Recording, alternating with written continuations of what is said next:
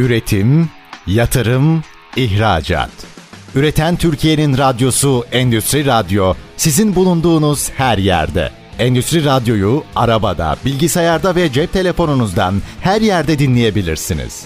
Endüstri Radyo.com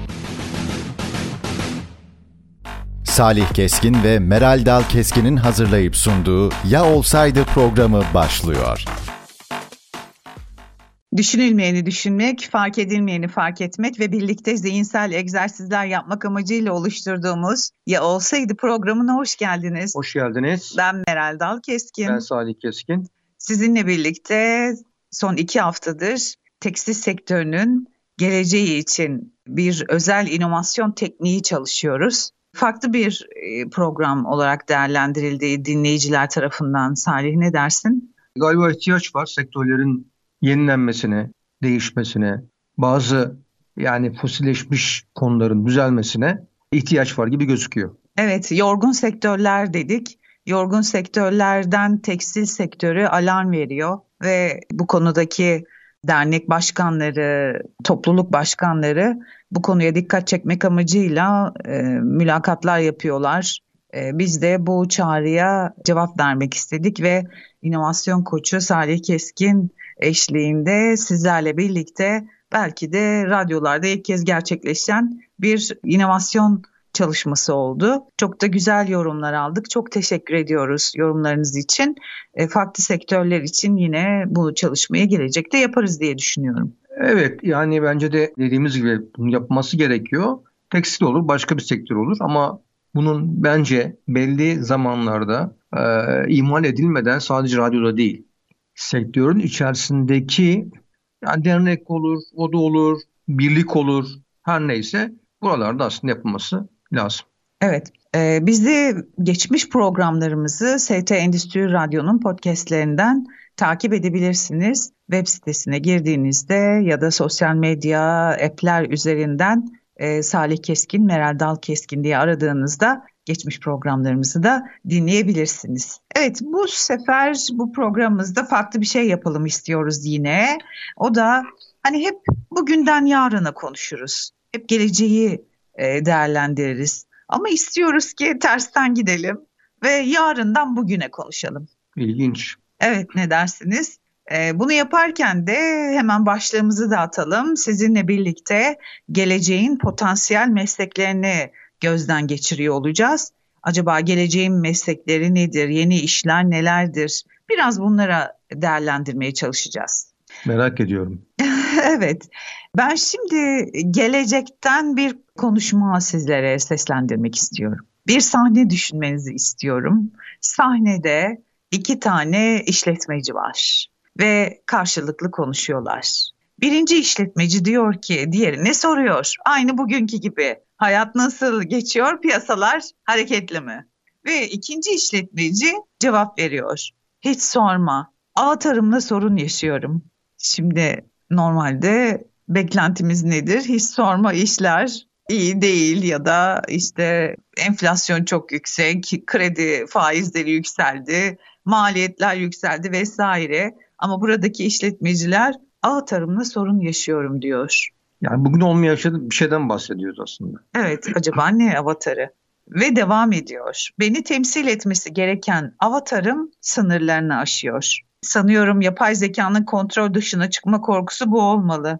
Yorumlarımı optime edip en uygun olanını anlatması gerekiyorken alakası olmayan yorumlarda bulunuyor ve e, şaşkınım. Yeni bir avatar tasarımcısı bulmam gerekecek sanırım.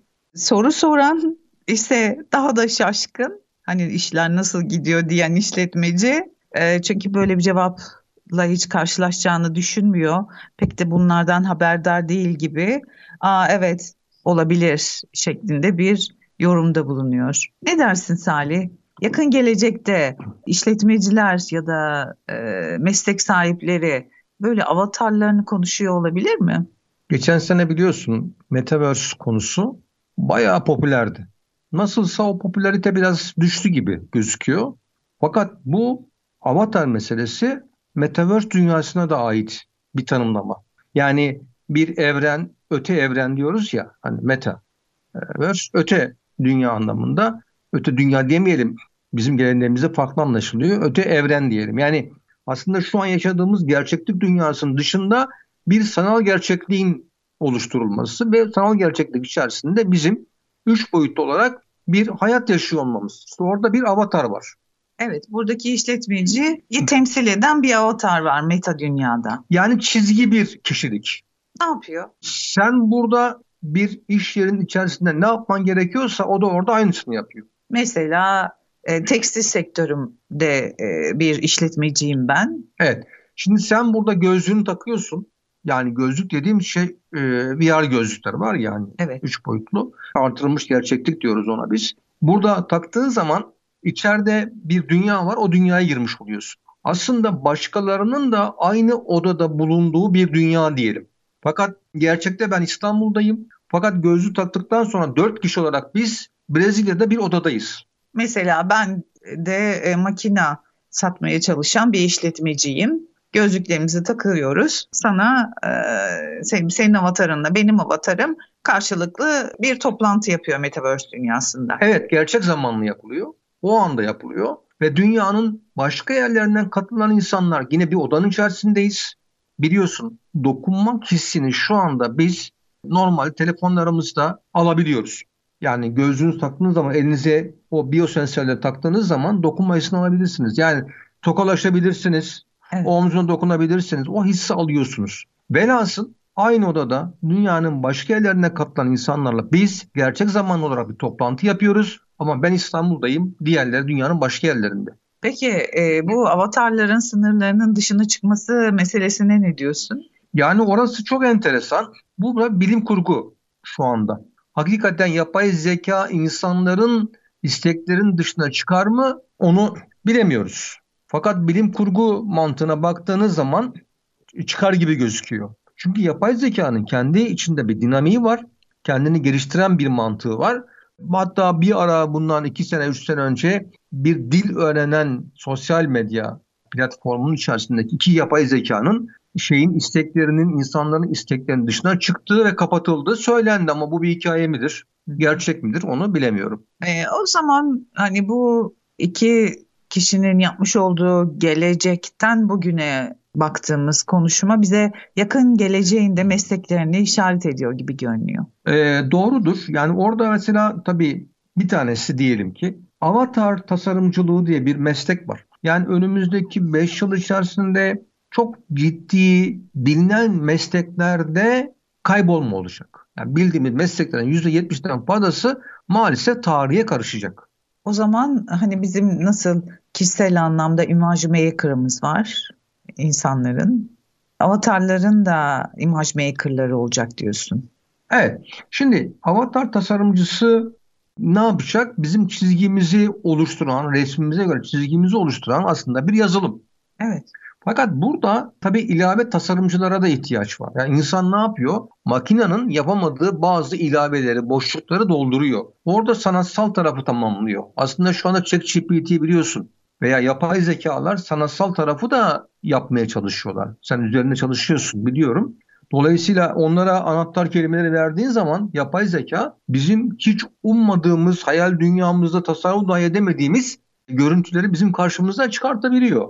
E tabii şimdi ben de e, şöyle bir tekrar değerlendiriyorum. Neticede avatarlarımız eğer toplantıları yapacaksa ve beni temsil edecekse onun farklı şekillerde örneğin toplantı yaparken ki avatarımın belki giydiği kıyafet farklı olacak. E, normal sohbet ederken giydiği kıyafet de farklı olacak. Aynı zamanda bir moda e, sektörünün de e, belki ilk başlayanlar öncüleri olacaklar. Çok doğru. Onunla ilgili hatta geçen sene avatar tasarımı, kıyafet tasarımı yapan birisinin e, işte bu işten ben çok kısa zamanda 2 milyon dolar para kazandım gibi bir haberi çıkmıştı. Evet bu daha da e, hani bireysel olarak yayılıyor olacak diye düşünüyorum. Ya bir kreasyon oluşturuyorsunuz. O kreasyon tabii ki yani insana yaptığınız bir kreasyon gibi de değil. Bu öte evren dediğimiz bundan sonraki gerçekten sanal dünyanın içerisinde ne tür bir moda anlayışı olacak onu da ortaya koymuş oluyor. Ee, şu an bizi dinleyen gençler pür dikkat dinlemesi lazım o zaman. Çünkü Neticede geleceğin mesleklerini konuşuyoruz. Ama aynı zamanda burada iş fırsatları da var. Girişimciler açısından da çok kıymetli. Ya da e, hani işini değiştirmek ve farklı alana yatırım yapmak isteyenler açısından da e, farklı bir bakış açısı katacağımızı düşünüyorum. Tabii ki yani mesela şöyle bakalım işte COSGAP girişimcilik destekleri veriyor malum. Burada başvuruların %90'dan fazlası bilinen işler. İstatistik var. Yani hala bizim Türkiye'de girişimcilerimiz bilinen işleri yapmak için desteğe başvuruyorlar. Şimdi bilinen işlerin her zaman konuştuğumuz gibi artık ne kadar cari olduğu, ne kadar efektif olduğu, ne kadar gerçekten iş yapma potansiyeli olduğu tartışılıyor değil mi yani? Evet. O zaman şöyle düşünelim. Bizim çevremizde gördüğümüz iş yapma yöntemlerinin artık tarihe karışacağını, bunların kazanç tarafının fazla kalmadığını da biz de görebiliyoruz. Haklısın. Yapmamız gereken şey o zaman şöyle düşünmemiz lazım. Bugünkü işlerin dışında başka ne tür işler hayatımızda girecek? Ve e, burada ilk başlayanlar yine hani önemli bir e, noktaya gelmiş olacak. Kesinlikle. Yani bunu tabii bu dünyaya dönük bir kafa yormamız lazım. Diğeri Android ilişkileri danışmanı. Hmm, Android ilişkileri danışmanı. Şimdi e, çok danışmanlık biliyoruz. Hani ilk aklımıza gelen işte yönetim danışmanlığı, satış danışmanlığı, pazarlama danışmanlığı gibi. Ama Android ilişkileri danışmanlığını hiç e, duymadık. Evet, bir Android e, biliyorsun işte telefonlarımızda kullanılan işletim sisteminin adı aslında. Ve bu Android işletim sistemini kullananların e, bir ortak dünyası var öyle değil mi? Bir de Android'lerin de dili var. O dili de anlaman lazım. Yani istediğin şekilde yaklaştığında senin istediğin cevapları alamıyorsun. Ona doğru soruyu da sorman lazım. Doğru şekilde e, yönlendirmen gerekiyor. Bunları mı içeriyor acaba? Evet. Yani bu işitim sistemini kullananların duyusal, zihinsel ve psikolojik sorunlarını çözmeye çalışan birisi bu danışman. Çünkü bu işletim sistemini kullananların dedim ya ortak bir dili var. Senin de bahsettiğin gibi ve dolayısıyla ortak bir takım duyusal, zihinsel, psikolojik sorunlar oluşuyor zaman içerisinde. Yani bu e, ne olabilir? Bu sosyal medyayı ve Android'i çok fazla kullanmanın getirdiği bir zihinsel, tabii ki duyusal rahatsızlıklar da olabilir. Burada bunların denetimini de sağlayan veya bunların denetimini sağlamaya dönük destek olan birisi. Şimdi e, hani travma sonrası stres bozukluğu var ya e, bana e, Android'i fazla kullanma sonrası stres bozukluğu gibi bir şey geldi. Belki de artık bunların kısaltmasını kullanıyor olacağız yakın gelecekte. Ama aynı zamanda bu işletim sistemini kullananların kendi aralarındaki iletişim yollarını da geliştiren bir danışman bu. Hmm. Velhasıl Android dünyasının bir cumhuriyeti var değil mi? Tabii. Öyle değil mi? Yani bir bugün Facebook dünyasının dünyanın en büyük ülkesi olduğu söyleniyor. Çünkü 2 milyara yakın kullanıcısı var. Bir ülke aslında değil mi? Yani oraya ait insanlar var. O dünyaya giren, çıkan, orada olan, orada kendine dönük bir çevresi olan, network bulmaya çalışan, e, kendini ifade etmeye çalışan birileri var. Velhasıl yani buradaki kendi aralarındaki iletişim yöntemlerini geliştirmeye çalışan ve bu konuda destek olan bir danışmandan bahsediyor. Çok ilginçtir. Yani düne kadar böyle bir şeyi söylesen hiç kimse ya öyle şey mi olur falan diye gülüp geçebilirdi. Ama e, bugün bunlar var. Avatar tasarımcı değil mi? Yani avatar tasarımcısı nedir? Bizim giy giymeyeceğimiz kıyafetlerin, kreasyonların çizildiği başka bir dünya, başka bir evren. E, belki de farklı bir de imaj oluşturabiliriz. Hani bu dünyada e, yaratmak istediğimiz imajı belki yaratamamışızdır.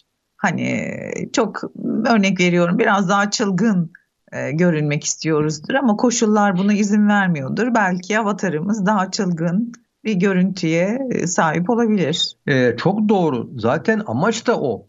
Yani o dünyada kendimizi olmak istediğimiz bir kişiliğe büründürüyoruz. Hmm. Burada var olan bir kişiliğimiz var zaten. İşte orada da bence baya bir e, hani e, stres ve baskı oluşabilir e, psikolojik olarak. Bunların da tedavisi için demek ki yeni yeni meslekler e, gelişiyor olacak. Şöyle bir saate bakıyorum. İlk bölüm için kısa bir ara vereceğiz. Aradan sonra birlikteyiz. Üretim, yatırım, ihracat. Üreten Türkiye'nin radyosu Endüstri Radyo sizin bulunduğunuz her yerde. Endüstri Radyo'yu arabada, bilgisayarda ve cep telefonunuzdan her yerde dinleyebilirsiniz. Endüstri Radyo.com Kısa bir aradan sonra birlikteyiz. Ya olsaydı programındasınız. Meral Dal Keskin ben. Salih Keskin. Sizinle bu hafta e, bugünden yarına değil, yarından bugüne konuşuyoruz ve geleceğin potansiyel mesleklerini tartışıyoruz. İlk bölümümüzde avatar tasarımcısını e, gözden geçirdik. Bunlar yeni meslekler. Diğeri Android ilişkileri danışmanı dedik ve şimdi de yine daha önce duymadığımız ama çok yakın gelecekte e, mesleklerin içerisinde yer alacak, e, hepimizin yakından duyacağı bir e, uzmanlıktan bahsediyor olacağız. Nedir? Evet, zihin aktarma uzmanı. Evet, birçok uzman duyduk ama zihin aktarma uzmanını gerçekten daha önce duymadık. Yani daha çok duyarız böyle uzmanlıklar. ne yapar zihin aktarma uzmanı? Teknik olarak insan zihnindeki bilgileri bir bilgisayara aktarmak. E, bir saniye, burada bir duralım. Ee, bazıları için bu hani bilinen bir kavram olabilir ama çoğumuz için önce bir hazmetmemiz gereken bir durum. Ne dedin? İnsan zihnindeki bilgisi, bilgileri bir bilgisayara aktarmaktan bahsediyorsun. Evet. İnsan beyniyle dışarıdaki bir bilgisayar arasında iletişim kuran bir sistem zaten şu anda üzerinde çalışılıyor. Evet. Bu proje. Daha önceki yani programlarımızda birkaçını bahsetmiştik. E, ve çok ilerledi. Bu ne demek? Şimdi zihnimizde biliyorsun bir statik elektrikle çalışıyor beynimiz. Elektrik de çalışıyor. Yani tıpkı bir aslında bilgisayar gibi de diyebilir. Yani bilgisayarlar zaten insan beyninden modellenen e, cihazlar. Ve nasıl? Zihnimizde bir bilgi kümesi var mı? Var. Var. Data var mı? Evet. Var. Yani bir hafıza var, kalıcı bellek var, bir geçici bellek evet. var. RAM işte. RAM geçici bellek yani mesela düşünün. Şimdi biz bu bilgileri insan öldüğü zaman komple kaybediyoruz değil mi? Yani. Aslında e, bu bir büyük bir kayıp. Yani keşke tarihteki hani o çok e, gerçekten tarihe yön veren insanların beynini bir bilgisayara yükleyebilseydik. Muhteşem olurdu. Yani şimdi bu bizim için de geçerli. Yani ne yapıyoruz? Yaşıyoruz, belli bir yaşa geliyoruz. Allah ömür versin, ölüyoruz. Ve o kadar yıl çalışmışlığımız, okumuşluğumuz, düşünmüşlüğümüz, bir yerde varsa yazılarımız onlar bunlar zihinsel olarak baktığında öldüğün zaman komple toprağa kaynıyor gidiyor. Şimdi bu proje çok tabii mahsulu tarafları olsa da onlar ayrı konuşulmalı. Ama şöyle düşün bizim zihnimizdeki canlıyken bilgiler bir bilgisayar aktarılıyor. Fakat bir bilgisayardan bilgiler de bizim zihnimize transfer edilebiliyor. Yani mesela bunlar denemede başarılı oldu, oluşturuluyor zihninde bilgiler. Ya diyelim ki sen bir dil öğrenmek istiyorsun. Hangi dili öğrenmek isterdin? İspanyolca. Yani hiç sorun değil. ee, senin zihnine dışarıdan bir bilgisayarla sadece ayakta kalmaman lazım. Oturman gerekiyor. Ne yapıyoruz? Dili gönderiyoruz. Ve bilgiyi orada oluşturuyoruz. Ama çok emeklem aşamasında bu çalışmalar daha. Şimdi o zaman şöyle düşünmemiz lazım. Gerçekten önümüzdeki 3-4 yıl, 5 yıl içerisinde bunlar ilerleyecekse dil öğrenimi, dil kursları değil mi? Evet. Kitap okumak, kitaplar, öğrenim dünyası, e, eğitim dünyası meselesi acaba nasıl bir değişim geçirecek? Şimdi burada zihin aktarma uzmanı ne yapıyor? Buradaki bilgisayarla insan zihni arasındaki çalışmaları, ilişkileri, yürütme işlerini yapan kişiye biz zihin aktarma uzmanı diyoruz. Bu geleceğin aslında mesleği olarak kabul ediliyor. Yani 10-15 yıl içerisinde e, insan zihnini bir bilgisayara yüklemek mümkün hale gelecek diyorlar. Ve e, birçok dinleyicimiz için eminim e, hani çok daha uzak bir gelecek olarak değerlendiriliyordur. Ama söylüyorsun e, 10-15 yıl içerisinde ömrümüz varsa e, tüm bunları görüyor olacağız. E mesela ben bir e, geçmişe dönük hikaye yazayım. Hani 10-15 yıldan daha fazla olacak diyorsun ama şeyi hatırlıyorsun değil mi sen? Hani tuşlu telefonları hatırlıyorsun. Hatırlıyorum. Dokunmatik olmayan dünyayı hatırlıyorsun. Evet. Tamam. Kaç yıl? Yani 1995 Hayır hayır yıl... 2000, 2095'te telefon hayatımıza girdi. Evet telefon telefonu. hayatımıza girdi. 2000, 2014 2013 yılında akıllı telefon hayatımıza girdi. Tamam. 2014 diyelim. Kaç yıl var biliyor musun? Ee, 9 yıl var. Şimdi 9 yılda sen o tuşlu telefondan nereye geldiğimizi tasavvur edebiliyor musun? E, çok haklısın çünkü hani şu an her şeyimiz bizim telefon hatta bazen e, bilgisayarımdan daha e, iyi sonuç alıyorum telefondan girdiğimde. Bak daha ileriki aşaması ne? Şu an yaşıyoruz. Mesela bir şey konuşuyoruz hemen reklamı geliyor bize değil mi? Ma evet. Evet. Niye? İçeride muhtemelen alıcılar var. Bizim o kelimeleri kullandığımızı alıyor belleğine. Bize o reklamları hemen önümüze getiriyor. Yani dolayısıyla tuşlu telefon dönemindeki teknolojiyle bugünkü teknoloji arasında 9 sene var sadece. 9 sene. Yani 9 sene önce de demek ki bu radyo programını birlikte yapıyor olsaydık hatta hiç telefonun olmadığı zaman e, işte telefonlarımızla konuştuğumuz şeyi karşımıza getirecek telefon reklamlarını bize verecek deseydik biraz uçuk kalırdı. Şimdi soruyorum 9 senede tuşlu telefondan buraya geldiysek 9 sene sonra bu telefon diyelim ki akıllı telefon teknolojisi nasıl bir yere gelebilir? Ya Tasavvur da- edelim. Evet Android kısmı. Yani Android yapay kısmı. zekalar. Evet. E, işte e, hani malum çok kullanılan isim var. Kullanabilir miyiz onu da bilmiyorum ama ChatGPT'ler çok hızlı öğreniyorlar. Tasavvur etmek işte böyle birlikte e, değerlendirdiğimizde, konuştuğumuzda neler olabileceğini öngörme çalışmaları yapıyoruz. Ve deniyor ki bir yıl sonra, bir buçuk yıl sonra, bir buçuk yıl içerisinde avatarımız bizim adımıza toplantıya katılabilecek. Bizden bağımsız mı? Doğru. Biz ona yetkiler vereceğiz. Yetkileri aşamayacak ama bizim adımıza çünkü bizim zihnimizdeki çalışma yöntemini algılıyor.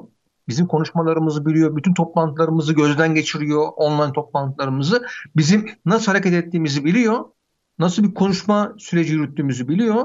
Bir buçuk yıl sonra bizim adımız, avatarımız toplantıya katılacak. O zaman biz de avatarlarımızla toplantı yapıp onları tekrar güncelleyeceğiz ama bu arada diyorsun ki e, avatar tasarımcısına da götüreceğiz bazılarını o- konuşacağız diyeceğiz ki şunda şunda şunda şöyle bir düzenleme istiyorum şu avatarımda gibi. Ha senin en başta anlattığın hikaye olabilir mi? Yani bilmiyorum. Tabii mümkün. Çünkü o zaman belki toplantıda kendini aşan yani bizim de yetkilerimizi aşan e, bir atraksiyonlara girer mi?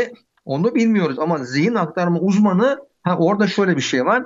Sadece bizim zihnimizdeki bilgileri şey yapan değil. Yani bilgisayara yükleyen değil. Aynı zamanda öldükten sonra az önce bahsettim bir kuantum bilgisayarına beynimizdeki bütün bilgiler aktarılacak, avatarımız oluşturulacak ve bizim avatarımız öldükten sonra yaşamaya devam edecek. Çünkü bilgiler onda ya artık. Evet. O beyin orada kuantum bilgisayarında nasıl düşündüğümüzü bildiği için yani bu arada bunları onaylıyor değilim. Yani öyle de bir şey anlaşılmasın. Bir inovasyon hani koşu olarak geleceğin ayak seslerinin karakterini aslında burada vurguluyorum. Doğru demiyorum bunları.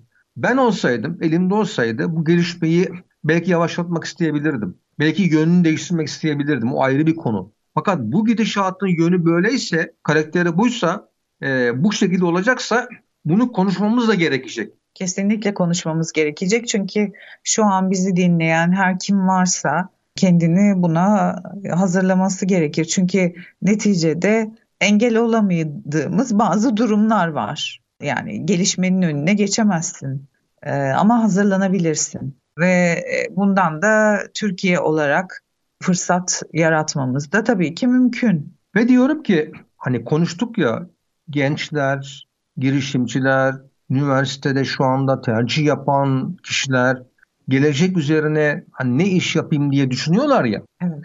Yani bu konuda gerçekten geleceğin mesleklerinin ne olduğu konusunda onların bilgilendirilmesi gerekmez mi? Kesinlikle gerekir. Hatta bu konuda bence tüm üniversitelerin çalıştaylar yapması gerekir. Ya bir yerlerde çarşaf çarşaf mesela birkaç söyleyeyim üzerinde çalışırız. Benim yeni paylaştığım çöp mühendisi. Ve şu anda her sektörde hemen hemen bir çöp mühendisi bize lazım. Neyle ilgileniyor? Bir kere bu geri dönüşümle ilgileniyor ve atık sorunuyla ilgileniyor. Çok önemli bir sorun aslında. Çok önemli. Çevrecilik özellikle desteklenen sektörlerin başında açıklandı biliyorsun yeni bakan tarafından. Ama bu konuda e, her ne kadar hani ülkemiz de desteklese bu durumu bunu yürütecek olan teknik insanlarımız yeterli değil gibi görünüyor. Yani burada dünya şu anda çöpü dönüştürme üzerine çok bilimsel çalışmalar yapılıyor. Her türlü atık bir kere değere dönüştürülebiliyor onu söyleyeyim. E biliyorsun bizim çöpten elektrik üretiliyor, bir gaz var, o gaz üretiliyor vesaire. Şimdi çöp mühendisi bugün konuşulan bir meslek mi? Hayır. Belki çok da sıcak karşılamayacaklardır bu arada onu da söyleyeyim. Ama adı atık mühendisliği olur zaten. Çöp mühendisliği olmaz. Ama biz hani olan var olan adıyla bunu konuşmak istiyoruz. Şimdi en önemli mesleklerden bir tanesi, konulardan bir tanesi atık konusuysa buna dönük bir sektör büyüyorsa bunun içerisinde aktörler oluşmayacak mı? Kesinlikle oluşacak. İşte atık mühendisi, çöp mühendisi bunlardan bir tanesi. Evet çok değerli. Mesela hani bugün cerrahlık mesela çok önemli bir meslek değil mi? Müthiş bir emek var. Cerrah olmak için e, tıp fakültesini bitiriyorsunuz, üstüne sınavları geçiyorsunuz, uzmanlık alıyorsunuz, yetmiyor, profesörlerle çalışıyorsunuz vesaire. Cerrahlık çok önemli. Ama bir de hafıza cerrahlığı geliyor galiba. Hafıza cerrahı evet bu, bu da duyulmuş bir meslek değildir. Hafıza cerrahı e, senin de bildiğin konular aslında. Şeye giriyoruz, e, belleğimize giriyoruz. İçeride geçmişe dönük bizi rahatsız eden neler varsa onları tırpanlıyoruz diyelim. Hmm. Kesiyoruz, biçiyoruz veya onları farklı yerlere yerleştiriyoruz. Fazlalık varsa törpülüyoruz. Bu hafıza cerrahı. Peki bunun okulu var mı? Yani direkt bir okul gözükmüyor ortada. Yani bu ezoterizmle biraz e, ya işte semantik dalıyla kognitif anlayışla ilgilenen, konularla ilgilenen kişilere bunu yapıyor.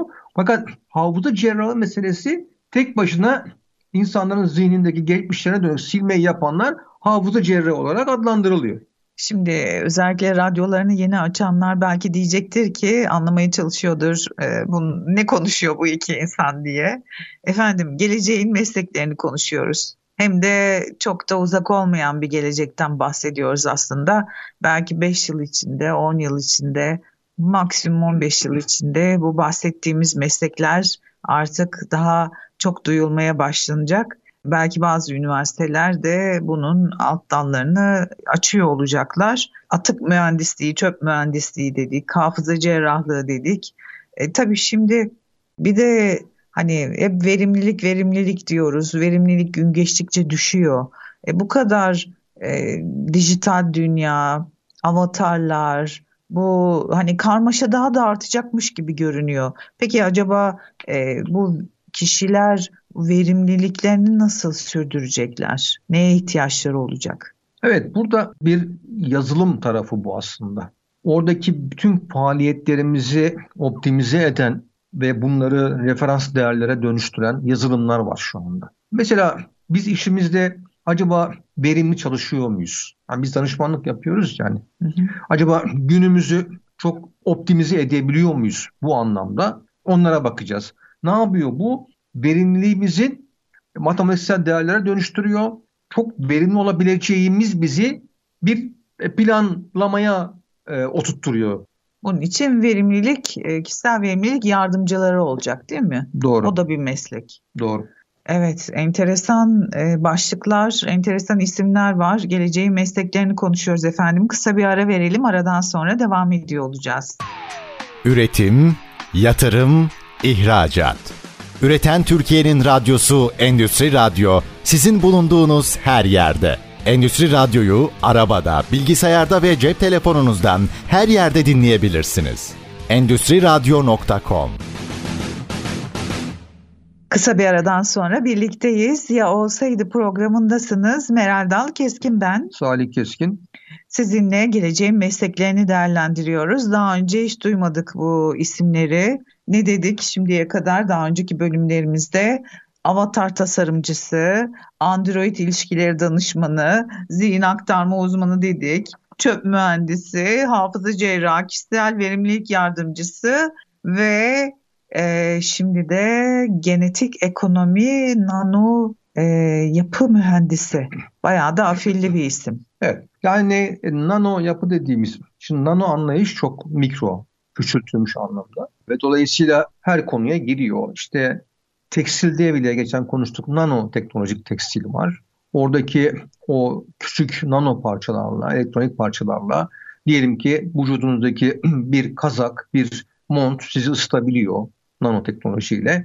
Bu sadece orada değil, araba endüstrisinde de böyle, makine endüstrisinde de böyle kullandığımız her türlü cihazın içerisinde akıllı sistemler girdikçe nano yapı mühendisi de giriyor. Aslında şu an e, hani tanıdığım mühendisler var ve e, yüksek lisanslarının doktoralarını nanoteknoloji üzerine yapıyorlar.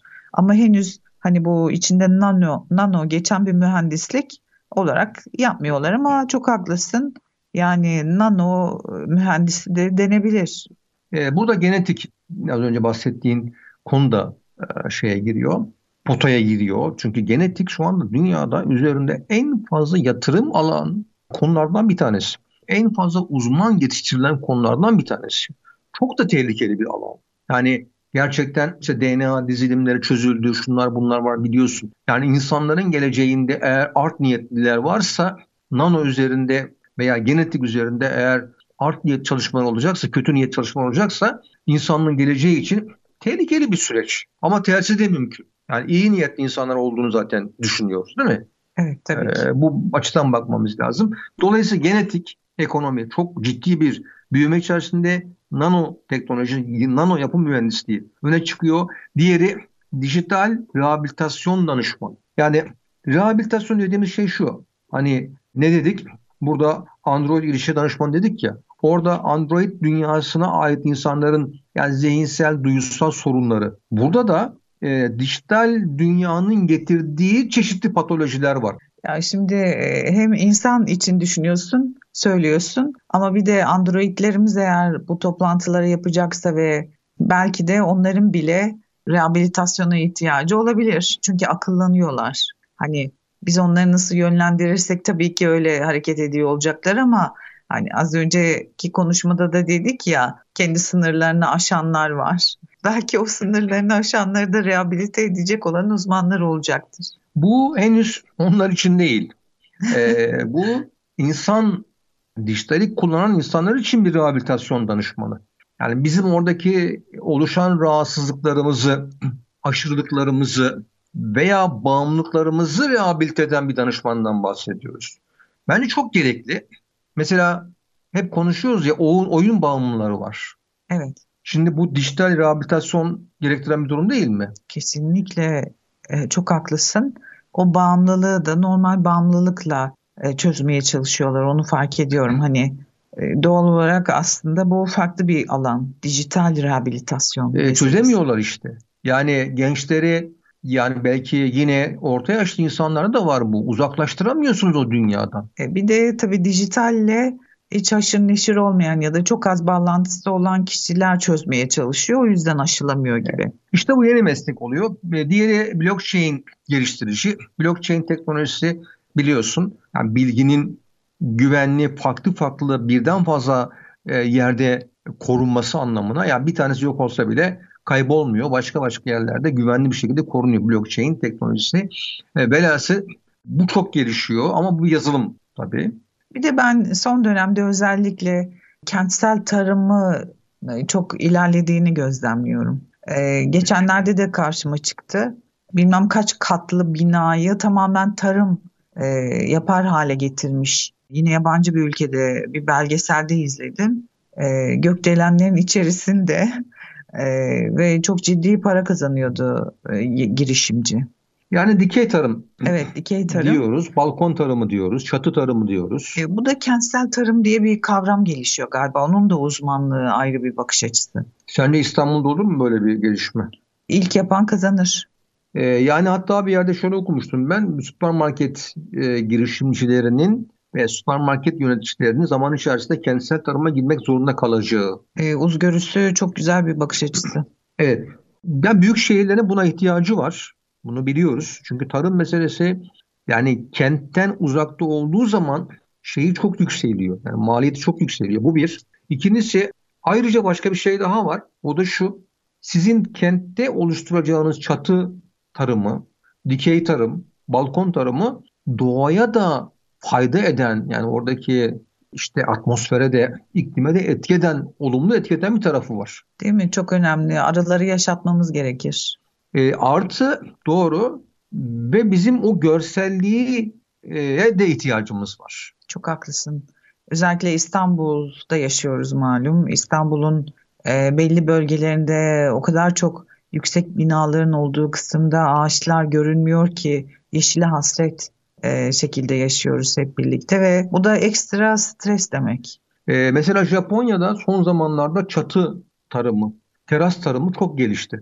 Yani binanın üstünde işte eğer teras tarzı bir yerler varsa orada toprak ekiliyor. Tabii onlar biraz daha e, düzenli, kontrollü, oraya uygun toprak yerleştirmesi yapılıyor. Ve orada e, sen diyelim ki gün içerisinde, gün sonunda oraya çıktığın zaman doğada aslında bulunmuş oluyorsun. Doğanın içerisindeki e, orada görüntü içerisinde, hava içerisinde bulunmuş oluyorsun. Evet.